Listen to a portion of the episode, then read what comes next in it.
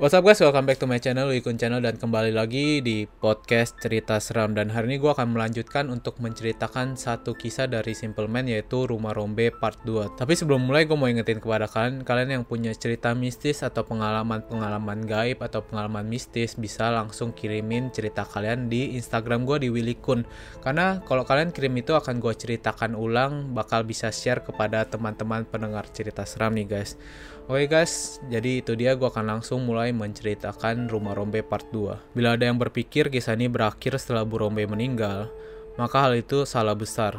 Justru, konon, cerita dari mulut ke mulut, bila sering kali ada yang melihat lampu di rumah itu menyala, padahal rumah itu sudah dibiarkan kosong.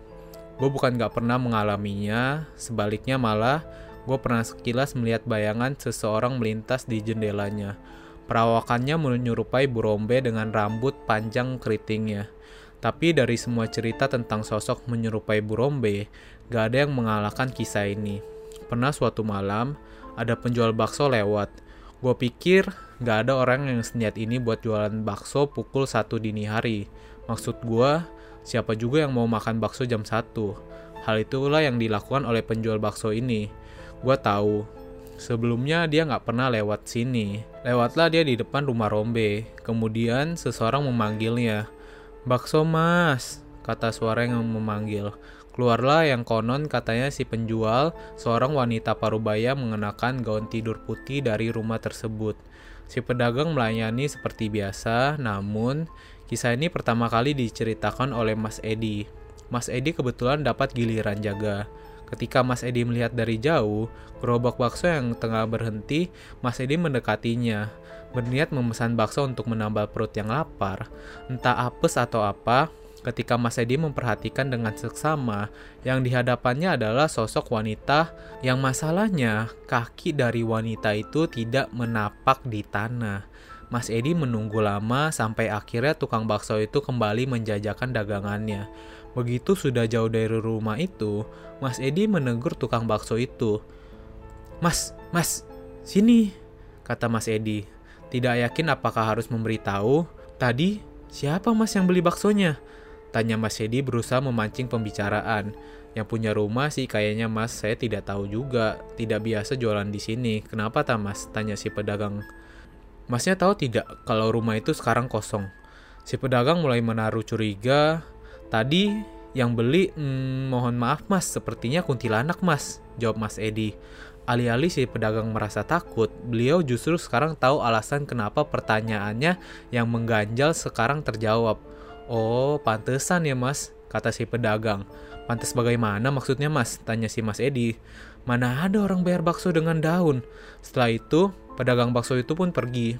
Gua rasa cerita ini cukup untuk menutup keluarga Bu Rombe. Dan kenapa rumah itu begitu terkenal dengan nama Rumah Rombe. Gue inget, nyokap baru ngasih tahu kalau kita akan pindah rumah. Jujur, gue gak suka diajak pindah meskipun masih satu desa hanya berganti RT. Gue udah nyaman dengan rumah gue sekarang. Dua bulan sebelum gue pindah, gue lihat ada sebuah mobil berhenti di depan rumah Bu Rombe.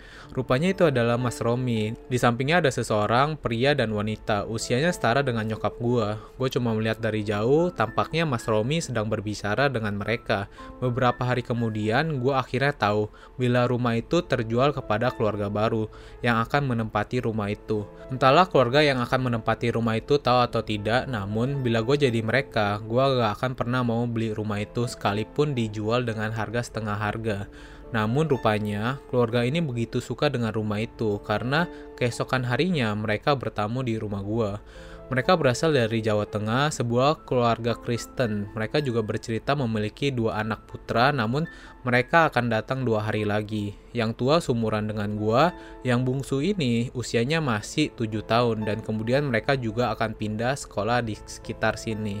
Dari semua keluarga yang bakal gua ceritain, keluarga inilah yang paling akrab dengan gua karena mungkin mereka memiliki anak yang seusia dengan gua waktu itu. Nama bapak yang akan menempati rumah ini dengan Bu Eli menjambut anak mereka, Stefanus dan Eeng. Waktu gue lihat Stefanus, gue sempet minder. Walaupun usianya sama dengan gue, perawakannya tinggi besar. Namun ketika gue melihat saudaranya si Eeng, gue gak mau komentar apa pun. Sebelumnya gue minta maaf karena si Eeng rupanya memiliki kelainan mental. Ada hal yang menarik perhatian gue dari si Eeng. Waktu pertama kali masuk, secara mengejutkan dia berlari dengan gelagat seperti anak usia balita. Dia berlarian ke sana kemari, namun mendadak dia berhenti di depan kamar yang dulu dipakai oleh Burombe. Dia diam di sana lama, kemudian mengatakan dengan senyuman ganjil, Ante Waktu itu gue belum paham apa yang dia bicarakan sampai Stefanus mengatakan Eeng biasanya berbicara dengan logat kurang sempurna. Gue berdiam diri sebentar sebelum gue berpikir, Ante terdengar seperti ucapan tante. Gue merinding mendengarnya. Gue coba bersikap biasa aja terutama saat gue ada di dalam rumah itu. Suasananya gak enak, sangat terasa. Pak Albert meminta gue untuk ikut berkeliling rumah, melihat ada apa saja di rumah itu. Sebenarnya gue gak mau, tapi Stefanus waktu itu cerita mau ngajak gue main game. Waktu itu game adalah hal yang sangat mahal, jadi gue iyain.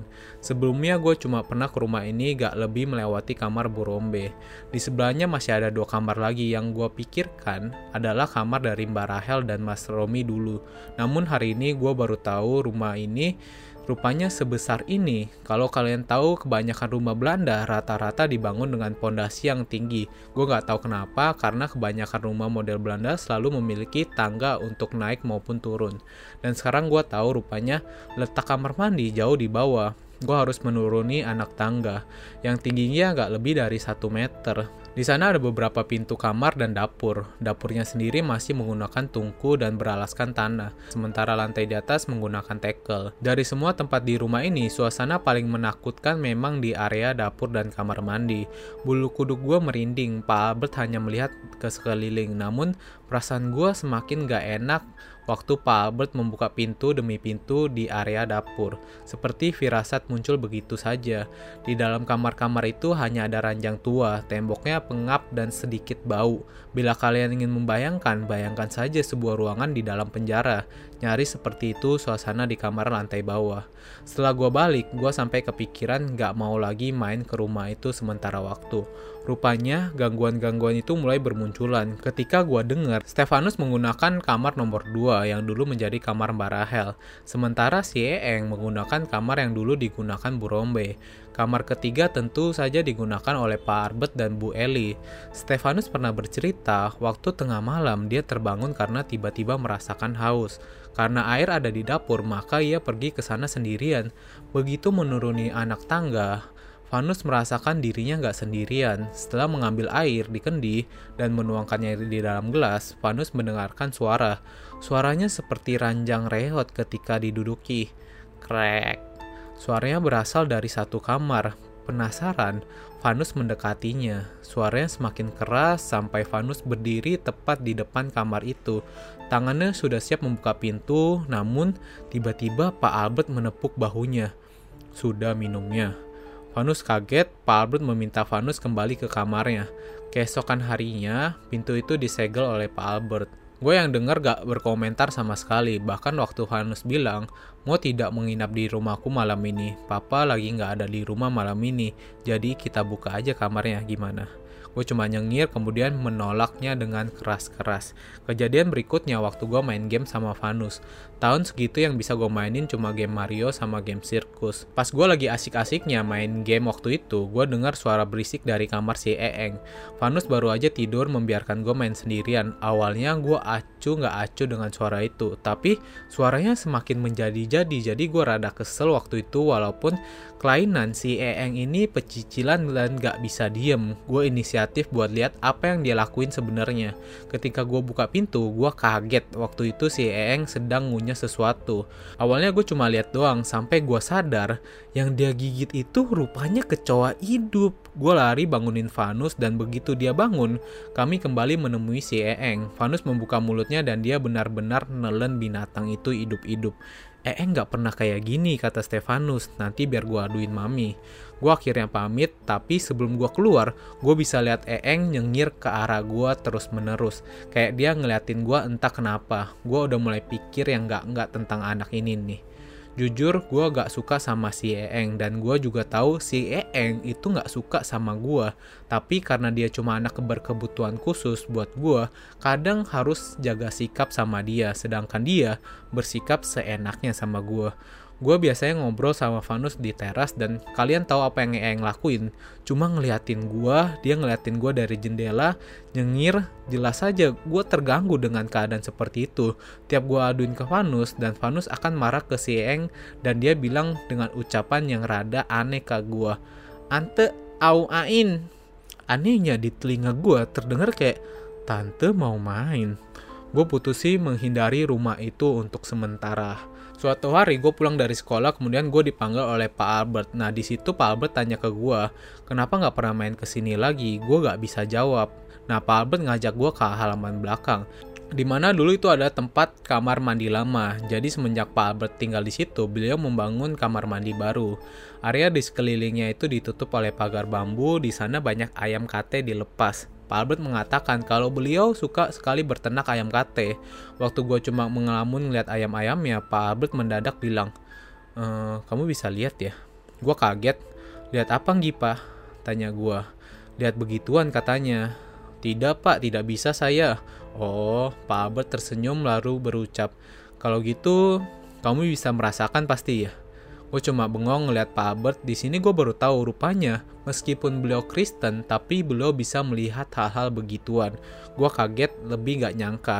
Beda banget sama almarhum Bu Rombe yang beragamakan Kristen dan gak percaya hal-hal begituan. Kamu mau tak kasih tahu gak ada apa saja di sini? Mendengar itu gue diem. Sebelum gue sempat mengucapkan apa pun, Pak Albert langsung mengatakan, kamarnya si Eeng, kata Pak Albert, hmm, ada wanitanya tuh uh, apa sebelumnya ya? Kamar itu kayaknya dipakai sama wanita yang namanya uh, Mama Rombe ya kalau nggak salah. Membicarakan hal seperti ini di tempat kejadian buat gue gemetaran. Gimana gak gemetaran? Kalau mereka denger bagaimana nasib gue nih? Rupanya Pak Albert gak menghentikan pembicaraan ini padahal gue udah nunjukin gelagat gak nyaman. Si Eeng berasa dijaga sama dia. Kamu juga hati-hati ya, kalau kamu nunjukin ketidaksukaan kamu sama Eeng, takutnya dia apa-apain kamu. Pak Albert bicara seperti itu sambil tertawa. Lah, terus gue gimana? Udah pasti pucet lah. Yang paling jahat ada di dapur dan kamar mandi lama. Kayaknya penunggu tetap. Bentuknya mirip pasukan jin, kata Pak Albert. Wajahnya serem, gak pernah ketawa kayaknya. Di kamarnya ada mbak-mbak tua. Gak cuma satu, tapi banyak sekali, kata Pak Albert menerawang jauh.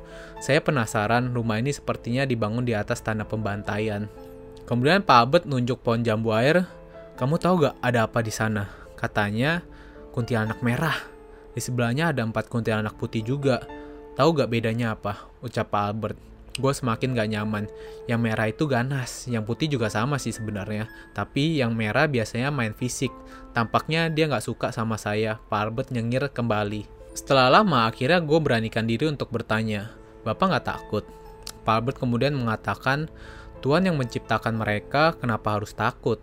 gue antara kagum dan bingung sampai akhirnya gue inget dan ngomong nama pemilik sebelumnya memang Bu Rombe pak Nah sebelum gue sempat menyelesaikan perkataan gue, tiba-tiba Pak Albert langsung memotong ucapan gue. Disantet ya? Saya yakin pasti disantet. Bapak tahu dari mana? Tanya gue.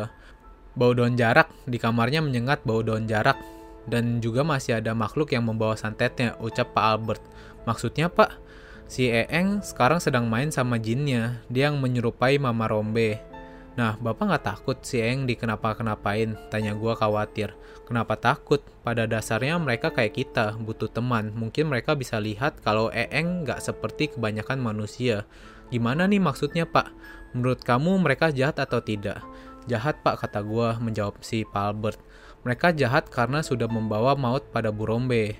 Pak Albert cuma tersenyum kemudian balik bertanya, yang jahat mereka atau yang nyuruh? Gue tertegun dan gue bilang kepada Pak Albert, yang nyuruh sih pak. Benar kata Pak Albert, di agama saya mengajarkan kedamaian, tapi pada dasarnya manusia memang serakah. Mereka nggak lebih dari objek sebagai jalan pintas untuk mendapatkan sesuatu. Kalau mereka sudah mengganggu, itu karena awalnya terganggu. Di sini kita harus banyak bercermin. Hidup berdampingan lebih baik, kata Pak Albert.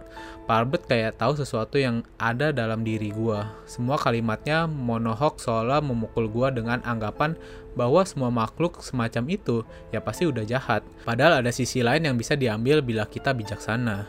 Gue akhirnya yakin bila Pak Albert memang sudah benar menempati rumah ini. Tapi gue nggak tahu bila dia menyembunyikan sesuatu. Karena ketika gue tahu, gue sangat prihatin dengan akhir dari keluarga ini. Minggu pagi adalah hari kartun bagi anak-anak. Karena gue gak punya TV dan di desa gue ini bisa dihitung dengan jari yang punya TV, gue pergi ke rumahnya Stefanus. Gue inget Vanus pamit mau ke warung. Akhirnya cuma gue yang nonton di TV ruang tengah. Jarak antara ruang tengah dan kamar Eeng hanya beberapa langkah saja. Pas gue lagi asik-asiknya nonton kartun, gue kaget waktu Eeng teriak kenceng. Si Eeng ini memang kerjanya aneh-aneh. Gue gak sekali dua kali lihat dia ngomong sendiri, lompat-lompat sendiri, sekarang teriak-teriak sendiri. Akhirnya gue ngecek dan buka pintu kamarnya. Di rumah sedang kosong, Pak Albert dan Bu Eli ada acara gereja. Begitu gue lihat apa yang terjadi, gue panik sepanik-paniknya. Si Eeng seperti orang ayan dengan posisi tidur di lantai. Dia menjerit-jerit, kakinya dan tangannya bergerak-gerak. Gue yang kebingungan akhirnya lari mendekatinya. Begitu tepat di depan Eeng, punggung Eeng seakan-akan tiba-tiba menekuk. Badannya nggak normal asli. Kayak ada tenaga yang gede nekuk badan dia sendiri. Gue akhirnya lari keluar rumah di depan gue ada Vanus yang baru balik dari warung. Gue langsung bilang ke dia, eh, Eeng, Eeng kerasukan. Kami masuk berbarengan, pas pintu dibuka, gue lihat si Eeng lagi tidur di atas ranjang. Gak terjadi apa-apa, Vanus lihat gue dengan wajah yang bingung dan gue membalas dengan wajah yang gak kalah bingungnya lagi. Gue jelasin tapi Vanus cuma iya-iya aja. Gue berencana mau cerita ke Pak Albert tapi kayaknya dia gak bakal peduli. Tuh dia ngebiarin Eeng main sama begituan. Besoknya, gue denger berita yang mengejutkan. Pak Albert dan Bu Eli mau cerai. Di sini gue baru tahu ternyata dari semua orang yang tinggal di keluarga ini, rupanya Bu Eli lah yang paling tersiksa. Dan sekarang gue paham kenapa beliau sekarang jauh lebih kurus. Gue gak mau cari tahu, tapi Vanus cerita kalau awalnya Bu Eli ngajak pindah rumah lagi. Tapi Pak Albert menolak dengan keras-keras. Beliau beralasan sudah nyaman tinggal di lingkungan ini. Bu Eli akhirnya mengalah, tapi bagai api dalam sekam, teror yang dilalui Bu Eli buat gua mikir lagi. Apa yang dilakukan Bu Eli sehingga mereka mengganggu sebegitu hebatnya sama beliau? Rupanya ada sesuatu yang janggal dengan semua ini. Dan ini semua dimulai oleh Pak Albert sendiri. Bu Eli mengancam akan pergi dengan si Eeng, si Vanus akan ikut Pak Albert. Rupanya ini ditentang lebih keras oleh Pak Albert. Eeng tetap tinggal di situ dan Vanus boleh pergi dengan Bu Eli. Gue yang dengar mereka selalu bertengkar, bikin gue nggak nyaman terlebih Vanus merasa dirinya nggak diinginkan, sedangkan adanya yang memiliki kekurangan justru diperebutkan. Gue cuma bisa bersimpati, akhirnya Vanus dan Eeng tetap tinggal di tempat ini. Gue akhirnya tanya apa yang membuat Bu Eli nggak nyaman. Rupanya awalnya dari luka misterius di tubuh Bu Eli. Gue yang denger langsung curiga, gejalanya mirip seperti Bu Rombe. Lebamnya di mana? Tanya gue. Di badan biru-biru katanya Stefanus.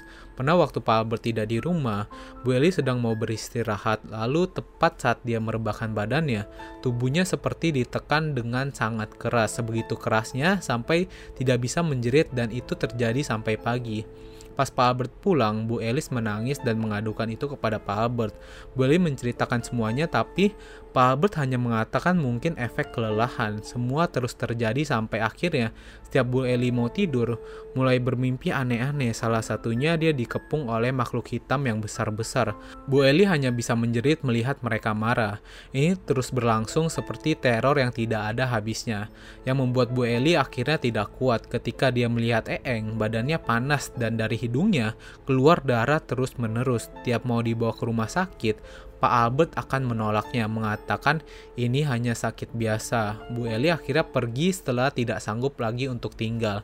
Vanus akhirnya sadar ketika dia mengatakan ada yang gak beres sama rumah ini. Setelah tinggal di sini, keluarga gue kayak tertimpa sial terus. Gue cuma bisa ngebatin firasat gue gak enak sama si Eeng.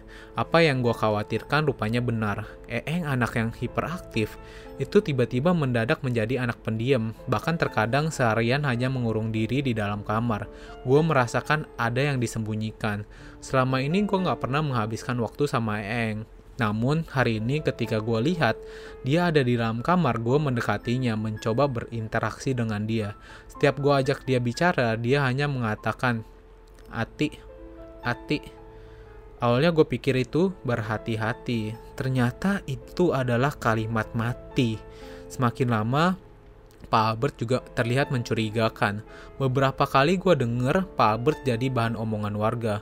Mulai dari dia yang sering keluar rumah malam-malam buat pasang dupa, atau teman-temannya yang berperilaku dan berpenampilan aneh, hal ini membuat banyak warga cemas. Vanus juga merasakan ada yang berubah dari adiknya. Setiap malam dia seperti mendengar suara yang berasal dari kamar adiknya, Eeng. Suaranya seperti tertawa hanya saja, itu suara perempuan.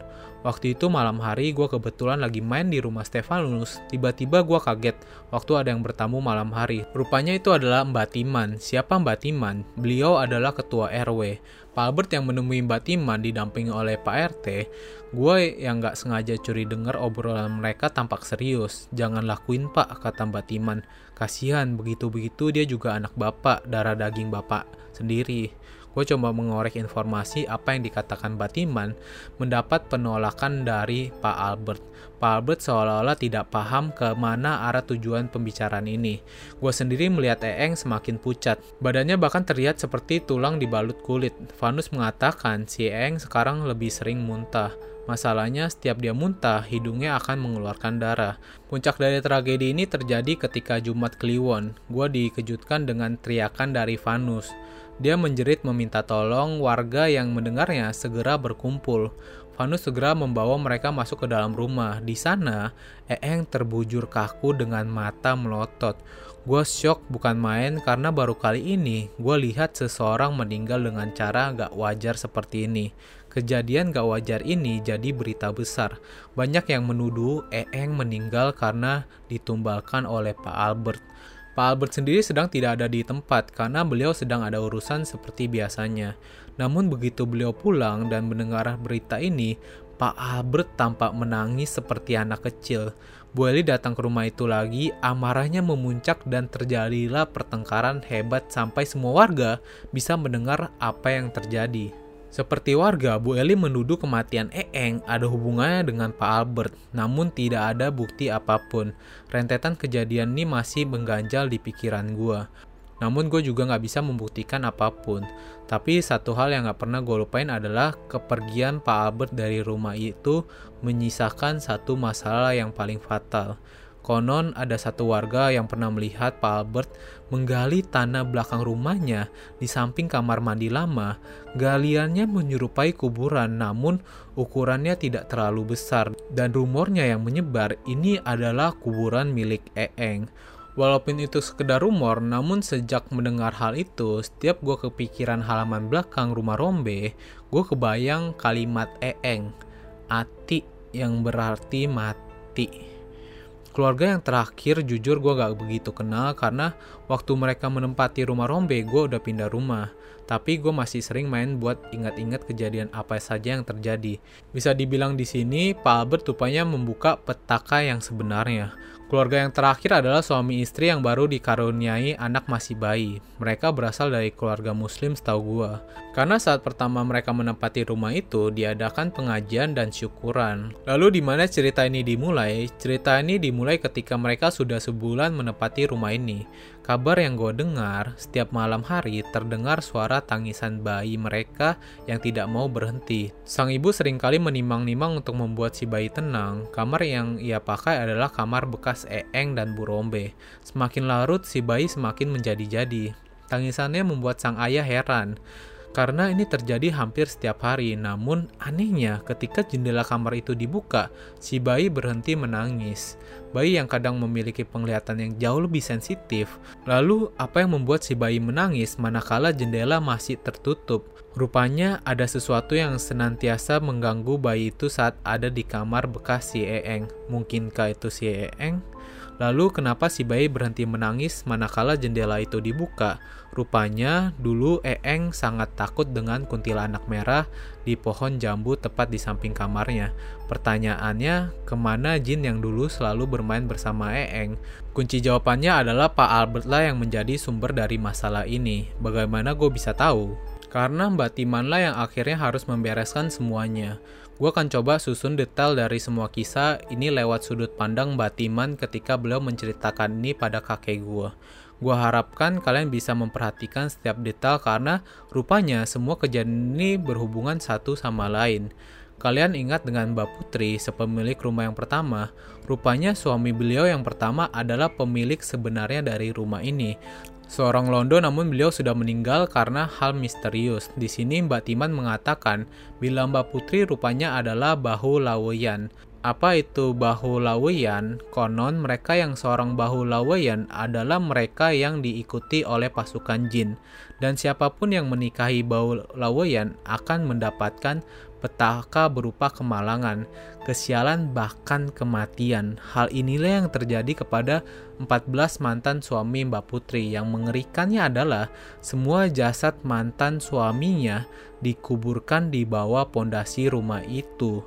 Itulah alasan kenapa rumah ini tingginya di beberapa tempat, sedangkan tanah dapur lebih rendah dari tempat yang lainnya. Mbak Putri sendiri menyadari dirinya adalah seorang bahulawayan, sehingga akhirnya beliau membuat perjanjian bahwa dia tidak akan pernah menikah lagi setelah pernikahannya yang ke-14. Sebagai gantinya, ia mendapatkan satu batu pusaka sebagai imbal balik segala kesialannya itu. Batu itu disimpan Mbak Putri tepat di salah satu kamar dapur yang dijaga oleh nenek-nenek dan pasukan jin, sehingga tanah di sana menjadi tanah keramat, tanah yang tidak akan bisa sembarangan ditinggali apalagi dijadikan hunian bagi mereka yang tidak tahu sejarah semeninggalnya Mbak Putri. Pasukan jin itu tetap tinggal di sana menjaga batu pusaka yang ditinggalkan oleh Mbak Putri. Kemudian kepemilikan beralih ke tangan Burombe. Di sini Burombe tidak tahu menau musibah apa yang beliau peroleh ketika tanpa sengaja ia menemukan batu itu. Namun Burombe tidak menyadari karena Cara menemukan batu itu hanya melalui mimpi beliau. Apa yang Burombe lakukan membuat pasukan jin ini murka sehingga akhirnya mereka mulai mengganggu, membuat pikiran Burombe semakin kacau. Manakala manusia sudah semakin lemah, memudahkan mereka itu dikuasai akal dan pikirannya jin perempuan yang dikirim untuk menyakiti Burombe melalui anaknya Rahel rupanya mendapatkan konflik dengan pasukan jin rumah itu yang merasa terganggu. Ketika energi negatif bertemu dengan energi negatif, akibatnya adalah tolak menolak. Jin perempuan itu rupanya cukup kuat sehingga ia menuntaskan segalanya saat Burombe semakin lemah dan lemah, hingga akhirnya meregang nyawa. Sayangnya ketika jin santet sudah menunaikan tugasnya, kontraknya terhadap si pengirim akan dianggap lunas sehingga akhirnya jin perempuan itu menetap di kamar Burombe. Di sinilah Pak Albert tahu tentang batu pusaka itu dari jin perempuan yang kebetulan menyukai Eeng. Syarat yang ditawarkan adalah nyawa Eeng. Pak Albert setuju dengan syarat itu, kontrak yang dijalani manusia dengan bangsa jin memang bersifat mengikat sehingga konsekuensinya apa pun harus diterima. Salah satunya adalah serangan masif pasukan jin terhadap Bu Eli. Namun hal itu tidak juga diindahkan oleh Pak Albert yang sebegitu inginnya dengan batu pusaka yang konon bisa mengangkat derajat manusia. Mbak Timan memperingatkan Pak Albert atas konsekuensi yang dia buat pasukan jin itu bersifat menjaga, tidak menyerang. Karena sebelum jauh ada mereka di sini, rumah ini sudah berdiri di tanah yang ditinggali bermacam-macam makhluk ganas, salah satunya adalah kuntilanak merah. Namun karena ada pasukan jin itu, semua memiliki daerahnya masing-masing. Yang buat gue sedikit merinding dengan cerita ini adalah korban tumbal akan senantiasa penasaran. Itulah alasan kenapa Eeng tidak pernah meninggalkan kamar itu. Dengan semua kesimpulan yang Mbak Timan ceritakan, membuat gue jadi tahu Pak Albert berhasil mendapatkan batunya. Konsekuensinya yang dia dapat keluarganya hancur, Eeng tewas sebagai tumbal. Sekarang semua yang ada di sana menjadi bebas, dan hal ini menimpa keluarga ini. Teror yang paling sering mereka dapat adalah setiap malam sering kali terdengar suara wanita menangis dan bila dicari suaranya, menghilang begitu saja ketika tidak dicari. Suaranya akan terdengar lagi, ini terjadi sepanjang malam. Di dapur rupanya ditinggali oleh makhluk berperawakan besar. Sayangnya ia hanya mengganggu dengan menjatuhkan barang-barang dapur. Di siang hari, kadangkala si istri selalu mendengar suara kaki berlarian, terkadang ranjang berdenyit seolah-olah ada yang menginjak-injak ranjangnya. Beberapa kali sudah diadakan pengajian hingga memanggil orang pintar, hampir semua menjawab dengan jawaban yang sama. Tanah ini bukan tanah yang cocok untuk tempat tinggal. Sebegitu hitamnya tempat itu sampai akhirnya ketika malam hari di mana sang ibu pergi untuk membuang air, saat ia kembali jabang bayi yang ia tinggalkan di dalam kamar menghilang begitu saja. Yang pertama kali menawarkan bantuan tentu saja Mbak Timan yang dibantu oleh para warga. Mereka semua diminta berkumpul di luar rumah sementara Mbak Timan membacakan ayat suci. Warga yang sebelumnya mencari mengkonfirmasi tidak menemukan apa pun. Suasana saat itu sangat sangat tegang. Sampai akhirnya Mbak Timan memerintahkan warga mengambil barang-barang di dapur untuk dipukul-pukulkan menimbulkan suara. Dibantu warga, barang-barang segera ditabu, riuh suasana seperti sebuah pesta dan Mbak Timan mulai berjalan memutari rumah itu. Satu demi satu beliau melihat makhluk-makhluk itu memenuhi segala tempat, menari mengikuti tabuhan barang-barang dapur dari warga. Ketika berhenti tepat di kamar mandi lama, Mbak Timan melihat sosok nenek tua. Tubuhnya tiga kali tubuh Mbak Timan, rambutnya panjang sampai menyentuh tanah. Begitu melihat Mbak Tima, wajah makhluk itu melotot marah. Kembalikan, itu bukan anakmu. Makhluk itu tidak menggubris.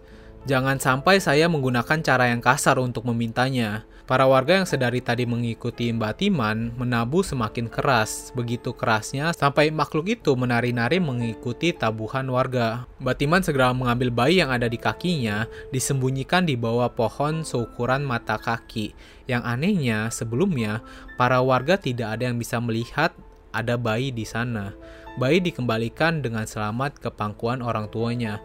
Lalu Mbak Timan berujar, Rumah ini tidak baik untuk ditinggali. Yang baru saja mengambil bayi kamu itu Wewe Gombel. Sebelumnya dia tidak pernah berani ke sini. Tapi sekarang jadi berani karena rumah ini sangat dingin. Namun kalau Anda masih ingin tinggal di sini, saya sarankan untuk siap mental. Yang di sini bukan hanya kuntilanak, Wewe Gombel, tapi masih banyak lagi. Jadi saya serahkan keputusan sama sekali kepada Anda. Mendengar itu, pasangan suami istri itu akhirnya mengikuti apa yang Batiman katakan. Mereka hanya menempati rumah itu tidak lebih dari dua bulan. Selebihnya hingga saat ini rumah itu di dibiarkan kosong, menjadi monumen paling dihindari bahkan hingga saat ini. Terakhir gue lihat rumah itu 4 bulan yang lalu, masih kokoh berdiri meski tanda kehidupan tidak terlihat sama sekali.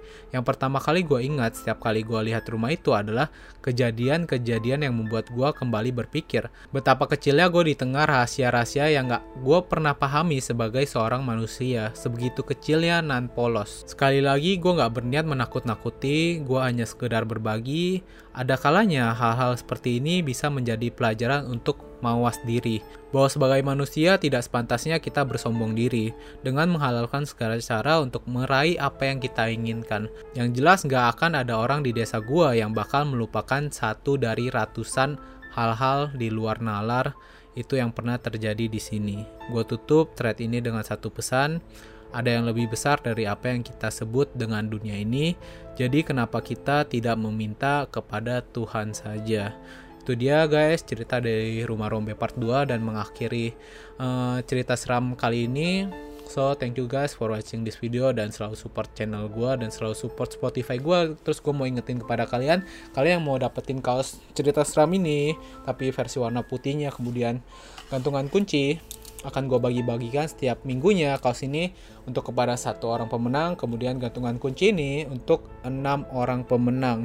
So kalau kalian mau dapetin itu semua secara gratis gampang banget caranya tinggal follow Spotify gue kemudian kalian ke channel YouTube gue di Willy Kun kemudian kalian klik tombol subscribe-nya terus kalian tinggalin di kolom komentar bang udah gue subscribe udah gue follow Spotify-nya. Terus kalian yang beruntung akan gue hubungi ya guys. So thank you for watching this video and see you guys in the next video